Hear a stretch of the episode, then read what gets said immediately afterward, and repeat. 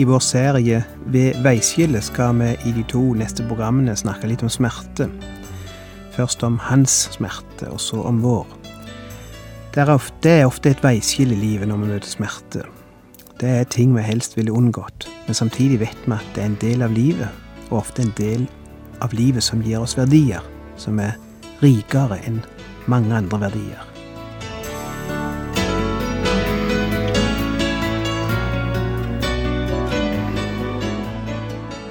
Hjertelig velkommen til et nytt program i serien Vindu mot livet. Vindu mot livet er basert på programserien Insight for Living ved Chuck Svindal. Programmet er produsert av Kristen Riksradio og blir ledet av Ola Bjoland.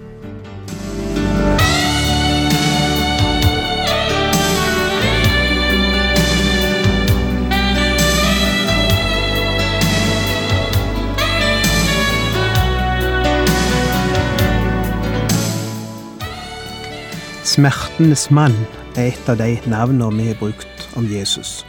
Smertenes mann. Litt rart i grunnen når vi vet at Guds sønn var seierherren, triumfatoren, den som ikke hadde noen svakhet eller noen synd. Kongenes konge og herrenes herre. Det er noen av titlene Jesus bærer. Og samtidig bærer han tittelen Smertens mann. Høres det ut som en motsetning? Men det er ikke en tittel som Det er ikke en tittel som en eller annen mystiker har gitt ham, eller en eller annen kunstner fra middelalderen. Det er en beskrivelse av han som vi finner allerede i de gamle tekstene i Bibelen, som ble skrevet flere hundre år før Jesus sjøl ble født.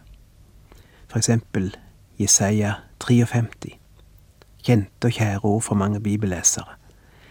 Han var ringaktet, forlatt av mennesker, en smertenes mann, vel kjent med sykdom, en foraktet mann som ingen ville se på, vi regnet ham ikke for noe.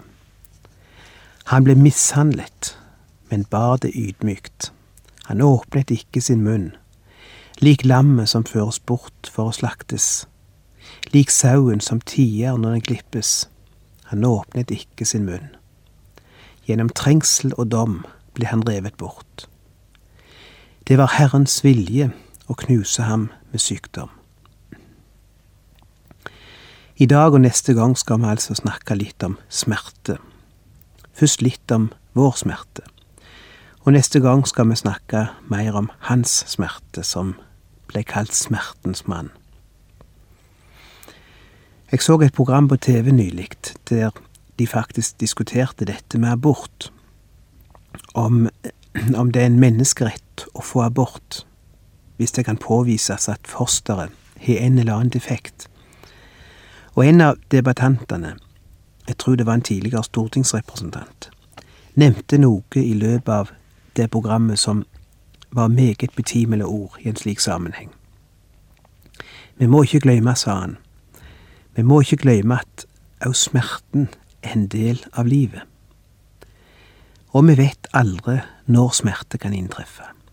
Vi vet ingenting om morgendagen. Det er ikke en menneskerett å få fjerne alt som kan føre smerte med seg. Det er verken mulig eller rett, for smerten er en del av livet. Og det er for så vidt ikke nye ord eller nye sannheter for mange av oss, men det var godt å høre det i en slik sammenheng, å høre det av en sånn person og flere understrekte det samme, flere som sjøl var mødre av handikappa barn, eksempel. Smerten ved å få et sterkt handikappa barn gjorde noe med meg. Jeg vaks på det, jeg fikk nye verdier, jeg fikk et nytt perspektiv på livet, og så videre. Og som sagt, det var så sterkt å høre det sagt i en slik sammenheng. Smerten er en del av livet akkurat som Bibelen sjøl sier. Smerten er en del av livet. Og han som ga oss livet, og som er sjølve livet, han som kalles veien, sannheten og livet, han blir i Bibelen også kalt smertenes mann. Tenk det. Smerte er noe som hører dette livet til. Det skal ikke forekomme i det neste liv, men i dette livet hører det til. Og sjøl om det kom inn som et resultat av syndefallet, så betyr ikke det at det bare er vondt. For Gud bruker smerten. Gud bruker òg det vonde til å gjøre livet rikere og riktigere, og til å gjøre oss modnere og åpnere og rikere. At det er en del av livet, kan vi se ved at det er det første som møter oss i livet.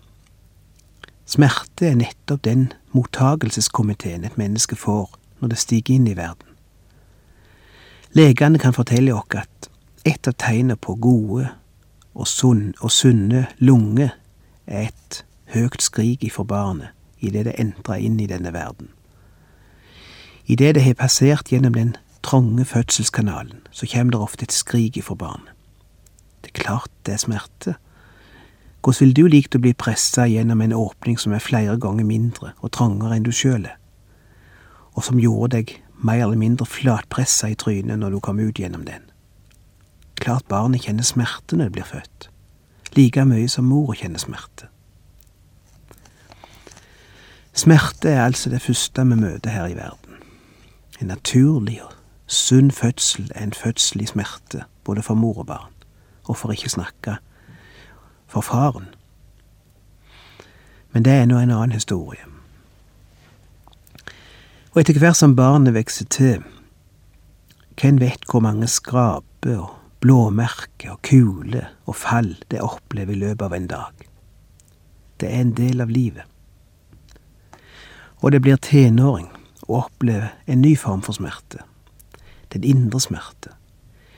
Noen opplever også da fysisk smerte, men for de fleste er den, den indre smerte som er en del av hverdagen. Og slik fortsetter det inn i den voksnes verden. Det er mental smerte, det er psykisk smerte, det er angst og frykt og ensomhet og sorg og savn og forbigåelse og sjølforakt og skyld og anger og alt dette som hvert menneske i denne verden kjenner til i større eller mindre grad. Smerte er en del av livet, enten vi liker det eller ikke. Bibelen kaller smerten for prøvelse eller teste, fordi Gud tar smerten i sine hender, det som i utgangspunktet var noe vondt det tar Gud i sine hender og bruker det i det godes tjeneste, for å prøve oss, blant annet, og teste oss. I første Peter fire ifra vers tolv leser vi, Mine kjære, vær ikke forundret over den ildprøve dere må gjennom, som om det hendte dere noe merkelig. Gled dere jo mer dere får del i Kristi lidelser, så dere kan juble av glede også når Han åpenbarer seg i sin herlighet. Salig er dere når dere blir spottet for Kristi navns skyld, for Guds ånd, herlighetens ånd, hviler over dere. La de bare ikke La det bare ikke skje at noen av dere må lide straff for mord, tyveri eller annen ugjerning, eller fordi han har gjort urette mot andre. Men lir han fordi han er en kristen, da skal han ikke skamme seg, men prise Gud for dette navn. Vær ikke forundra over den ildprøve det må gjennom, som om det hendte dere noe merkverdig, sier Peter. For vi blir like forskrekka hver eneste gang, ikke sant? Hver gang det skjer noe vondt, hver gang vi opplever en smerte, så spør vi hva er det nå som foregår. Hvorfor i all verden skal jeg oppleve dette? Iallfall spør jeg sånn. Men Peter sier ikke bli forundra, som om det skulle hendt noe merkelig. Det er ikke merkelig. Like lite er det merkelig at vi opplever tester og prøvelser i livet, som at en skoleelev må gjennom tester i klasserommet. Jeg har aldri sett et klasserom som det ikke foregår tester i. Jeg har aldri møtt et menneske som har fått en utdannelse, som ikke måtte gjennom tester underveis, prøver. Hvis det ikke hadde vært tester og eksamener, så hadde det heller ikke blitt noen eksamenspapir eller vitnemål, og han ville heller ikke få noen jobb. Jeg har aldri hørt noen sagt vet du hva som er så fint med den utdannelsen jeg tok? Det var at det var ingen eksamen eller ingen prøve. For vi vet at i løpet av læretida må vi gå gjennom prøver. Og det er de verste dagene vi vet om, særlig dagen før. Vi gruer oss. Vi liker ikke prøver. Vi liker ikke tester. Jeg får nesten mareritt ennå når jeg tenker tilbake på prøver og eksamener, fordi jeg har enkelte vonde minner ifra noen av dem. Men poenget med prøver er at vi skal finne ut hvor vi sjøl står, ikke sant? Noen sier hvorfor kan vi ikke droppe prøvene, og heller bare ta eksamen, avslutningseksamen? Og svaret er uten prøver underveis vil du ikke vite hvor du står. Du vil ikke ha peiling på hvor du er svak, og hvor du er sterk, og hvor du trenger å jobbe mer. Det lærer du av prøvene. Du lærer av feilene du gjør på prøvene. Når du sitter og sliter og svetter i flere timer med et problem, og kanskje du får det til til slutt, eller kanskje ikke, og du får prøven igjen etter noen dager, og den er retta, da skal jeg iallfall love deg én ting, du har lært noe. Du kommer ikke til å gjøre samme feilen om igjen. Hvis du ikke hadde hatt den prøven og gjort den feilen, så hadde du antagelig kommet til å gjøre feilen på eksamen og det hadde fått mye alvorligere konsekvenser. Slik òg med Guds prøver eller Guds tester. Du trenger de for din egen del. Du lærer av de. Du lærer av feila. Du lærer hvor du står. Du finner ut hvor du er svak. Du modnast. Du får et videre perspektiv og en djupere erfaring. Du får innsikt. Du kan hjelpe andre til å løse det samme problemet når de står overfor det, det du sjøl opplevde en gang, og så videre. Og Peter går så langt som å si, gled dere jo mer dere får del i Kristi lidelser, så dere kan juble av glede. Jeg vet det høres vanvittig ut for mange, og det er ok. Vi trenger ikke forstå alt det Gud sier. Det er ok at du ikke klarer å glede deg eller juble når du opplever vonde ting i livet. Det er helt i orden. Jesus forlangte ikke at folk skulle smile og le når de hadde det vondt. Han forventa å finne tårer. Han forventa å finne sorg. Han forventa å finne endog noen bebreidelser og litt sinne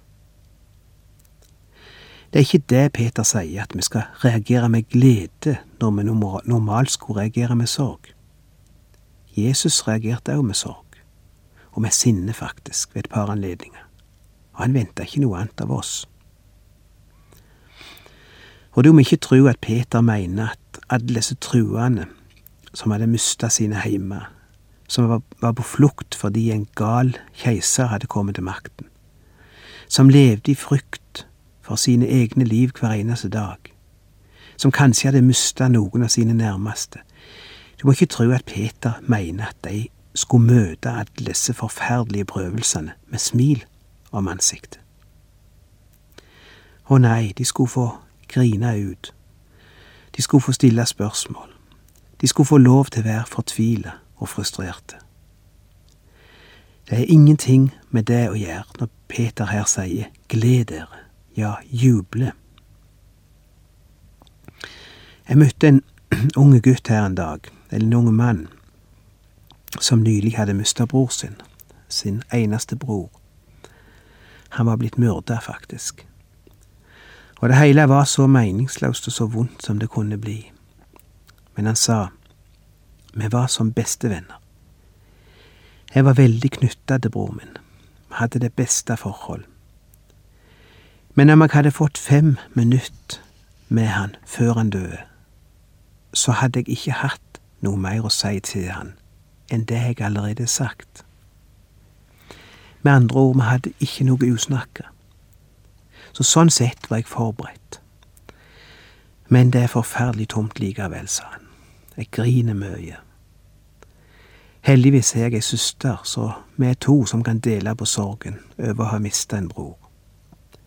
Tenk om det hadde bare vært han og jeg, og jeg så skulle blitt aleine, hvem skulle jeg da delt sorgen med? Jeg har iallfall lært én ting av dette så langt, og det er at hvis jeg gifter meg og får barn, så skal vi ha minst tre barn hvis vi kan få det. For om ett av de forsvinner, så er det så viktig at en har andre søsken igjen, at en ikke blir helt aleine. Vel, det var hans ord. Det gjorde sånn inntrykk på meg å lytte på han. Og uten at det skal forklare det vonde som skjedde, for det kan egentlig ikke forklares, så så jeg iallfall allerede der og da klare tegn på at denne gutten hadde blitt et annet og nytt menneske, bare noen uker etter det som var skjedd. Og det sa han òg. Alt blir snudd på hodet etter en slik opplevelse, sa han. Du får liksom andre livsverdier, sa han. Noe som før var viktig, er ikke så viktig lenger. Andre ting som du før ikke la merke til, eller hadde tid til, er blitt viktige. Livet blir på mange måter så mye mer verdt. De små ting blir så mye mer kostbare for deg, sa han. Hva sier alt dette oss? Ikke at Gud sender slike vonde ting for at vi skal lære av dem. Jeg ville aldri våge å si noe sånn, for det ville virke meningsløst for mange som sitter i djup sorg. Men det sier meg at likevel ser vi at et menneske som kommer gjennom vonde ting i livet, får helt nye dimensjoner lagt til sin personlighet. Og livet får en ny verdi og et nytt innhold, sjøl om det kan bli vanskeligere og tungere å leve, iallfall for ei stund. Jeg vet ikke om du la merke til noe rart som Peter sier her i vers 13. Gled dere jo mer dere får del i Kristi lidelser, så dere kan juble av glede også når Han åpenbarer seg i sin herlighet. Hva betyr det? Det betyr sikkert at jo mer lidelse vi opplever, desto større vil vi oppleve den dagen Jesus kommer igjen i herlighet, som det står, og vi skal bli fri lidelsen. Det er den umiddelbare og første ting jeg tenker på når jeg leser dette verset. Men jeg tror òg det ligger noe mer i det. For den dagen vi står framfor Gud, skal det deles ut noen utmerkelser, noen belønninger. Og nå snakker vi ikke om frelsen, for den er gratis. Den er av nåde den er det kun Jesus som har gjort seg fortjente. Men uavhengig av frelsen skal det deles ut noen blomster. Eller mye sterkere, det skal deles ut lønn. Vi har vel ikke forutsetning for å tenke oss hva denne lønna skal bestå i, hva den innebærer. Men det er tydelig ut ifra Bibelen at i tillegg til å bli frelst, skal noen få lønn, og noen ikke få lønn. Noen skal ikke få lønn fordi de ikke levde slik de burde som tilgitte mennesker, eller fordi de spolerte livet før de ga seg over til Gud, mens de som trufast tjente han hele livet, skal bli påskjønna for det. Og her står det altså at òg de som gjennomgikk store prøvelser i livet, skal få igjen for det i det nye livet. Jeg tror en del av dette kan forklares med at vi som mennesker skal få med oss våre erfaringer òg det nye liv. Jeg mener, Gud holder på med et byggeprosjekt. På den ene sida holder han på å gjøre i stand det rom, eller den plass, som vi skal få i det nye livet. Han gjør plassen klar for oss, sier Bibelen. Det andre prosjektet er at han holder på å gjøre oss i stand til å innta den plassen. Har du tenkt på det? De erfaringene vi får, den modning og vekst vi opplever her i livet, blant annet gjennom prøvelser. De skal ikke tas ifra oss når vi går inn i det nye liv. Jeg tror vi skal bli frelst med hele oss. Det vonde skal være borte, men de gode ting vi har lært gjennom livet, de er blitt en del av oss, og de skal vi få med oss. Jeg tror virkelig det. For Gud har ikke bare skapt meg én gang. Han fortsetter å forme meg og utvikle meg gjennom livet. Han fortsetter å bygge på meg og lære meg. Det gjør han blant annet gjennom prøver han lar meg gå gjennom, eller prøvelser. Og for hver prøvelse jeg kommer gjennom, vokser jeg. Og Denne veksten er en del av meg. Og den erfaring jeg har fått gjennom livet, er blitt en del av min personlighet. Og det skal jeg òg få ta med meg i det nye livet. Jeg tror det er viktig å ha dette klart for seg, for da blir egentlig ingen erfaring meningsløs. For det ville det blitt hvis du en dag får gjøre rike erfaringer, og neste dag dør du kanskje. Hvis de erfaringene du gjør deg i løpet av et år, kanskje, som har gjort deg til et mye modnere menneske i løpet av det året, hvis de erfaringene bare skulle komme meg til nytte gjennom livet, så er det ikke alltid de ville være verdt lidelsene. Men her antyder Peter at de òg skal komme oss til nytte, ikke bare her i livet, men i det nye livet. Erfaringene vi har tilegnet oss, skal bli til glede for oss her i livet, sier Peter. Men ikke bare det. Enda mer i det nye livet. Jeg tror det er det han sier i dette, i dette verset. De skal være en del av den belønning de truende får. Paulus skjemtes ikke lenger over å ha en tårn i kjødet, en smerte som han ikke ble kvitt. Og det sier Peter her òg at vi ikke skal gjøre. For det er egentlige edelsteiner i livet, perler som skal smykke oss, både for dette livet og for det kommende. I dette perspektiv kan en liten smerte være mye mer verd enn millioner av kroner.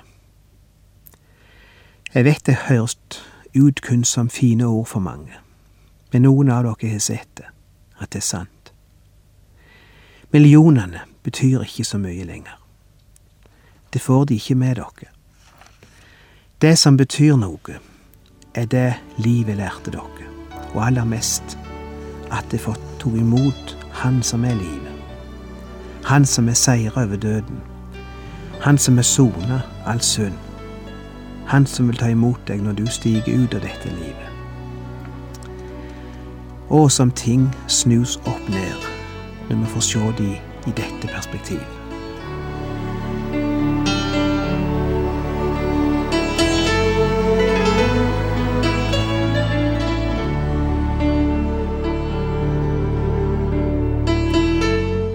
Du har lytta til Ola Bjoland i serien 'Vindu mot livet' fra Kristen Riksradios arkiv. Ola Bjoland var ansatt i Kristen Riksradio inntil han døde i 2002.